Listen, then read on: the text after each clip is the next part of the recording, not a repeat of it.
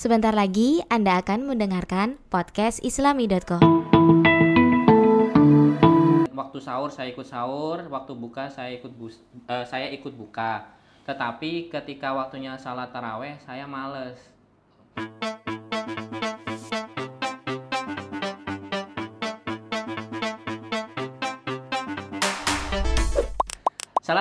Assalamualaikum warahmatullahi wabarakatuh. Waalaikumsalam warahmatullahi wabarakatuh. Jumpa kembali bersama kami di meja redaksi dan kali ini kita akan membacakan pertanyaan netizen via DM Instagram dan Twitter.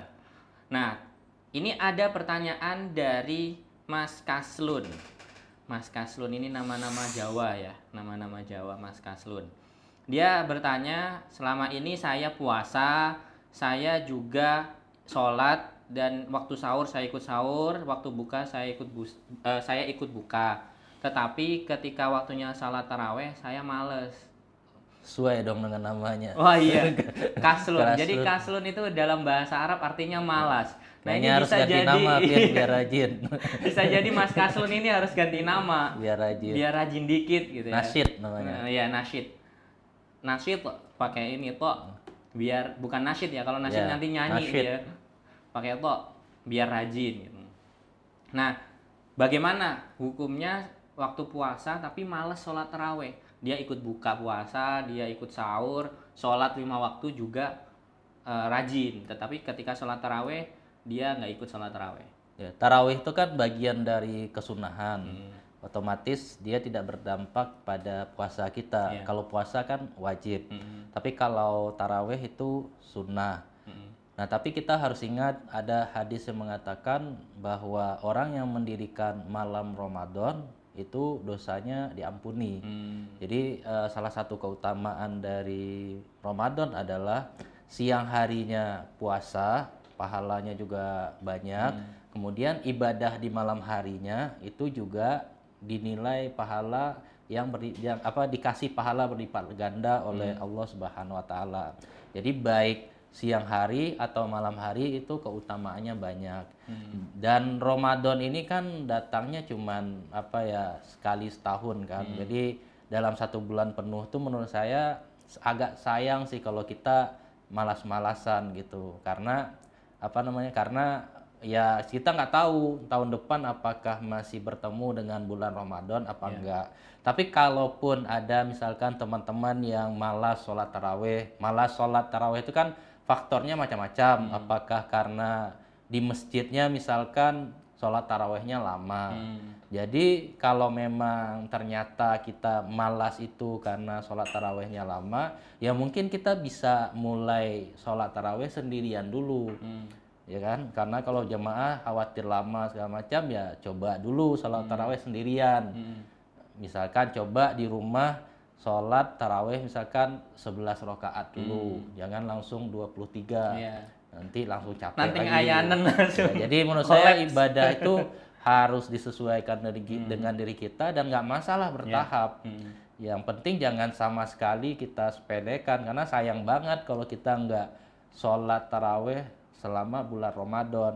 Nah misalkan kalau memang nggak nggak mampu 11 misalkan itu kita juga nggak masalah dikurangin lagi. Misalkan eh, nggak sanggup eh, 10 ya udah 8 kalau nggak sanggup 8 6 kalau nggak sanggup 6 bisa 4 rakaat. Kalau nggak sanggup ya minimal dua rakaat. Karena walaupun dua rakaat itu sudah dianggap sebagai sholat malam. Ya kan? Karena sholat taraweh itu kan istilah baru juga belakangan. Kalau masa Rasulullah kan Belum ada belum ada istilah taraweh. Jadi eh, bahkan kata Pak Quraisy Shihab ya kalaupun setelah sholat ita- isya kita sholat dua rakaat maka sholat dua rakaat itu sudah dianggap sebagai sholat malam. Nah makanya menurut saya kalau ada teman-teman yang mungkin masih pemula gitu ya, apalagi baru-baru taubat beginner. gitu, ya. baru-baru taubat mau sholat 23 malas ya udah nggak apa-apa dari yang kecil dulu. Nanti satu minggu coba yang kecil dulu, nanti minggu kedua dinaikin lagi standarnya, minggu ketiga naikin lagi standarnya, minggu keempat naikin standarnya, jangan dibalik. minggu pertama langsung tinggi kan 30. Nah nanti minggu kedua misalkan minggu pertama tiga, eh, 30 ntar 20 ntar makin kecil nanti dua rakaat Iya. pas menjelang 10 terakhir.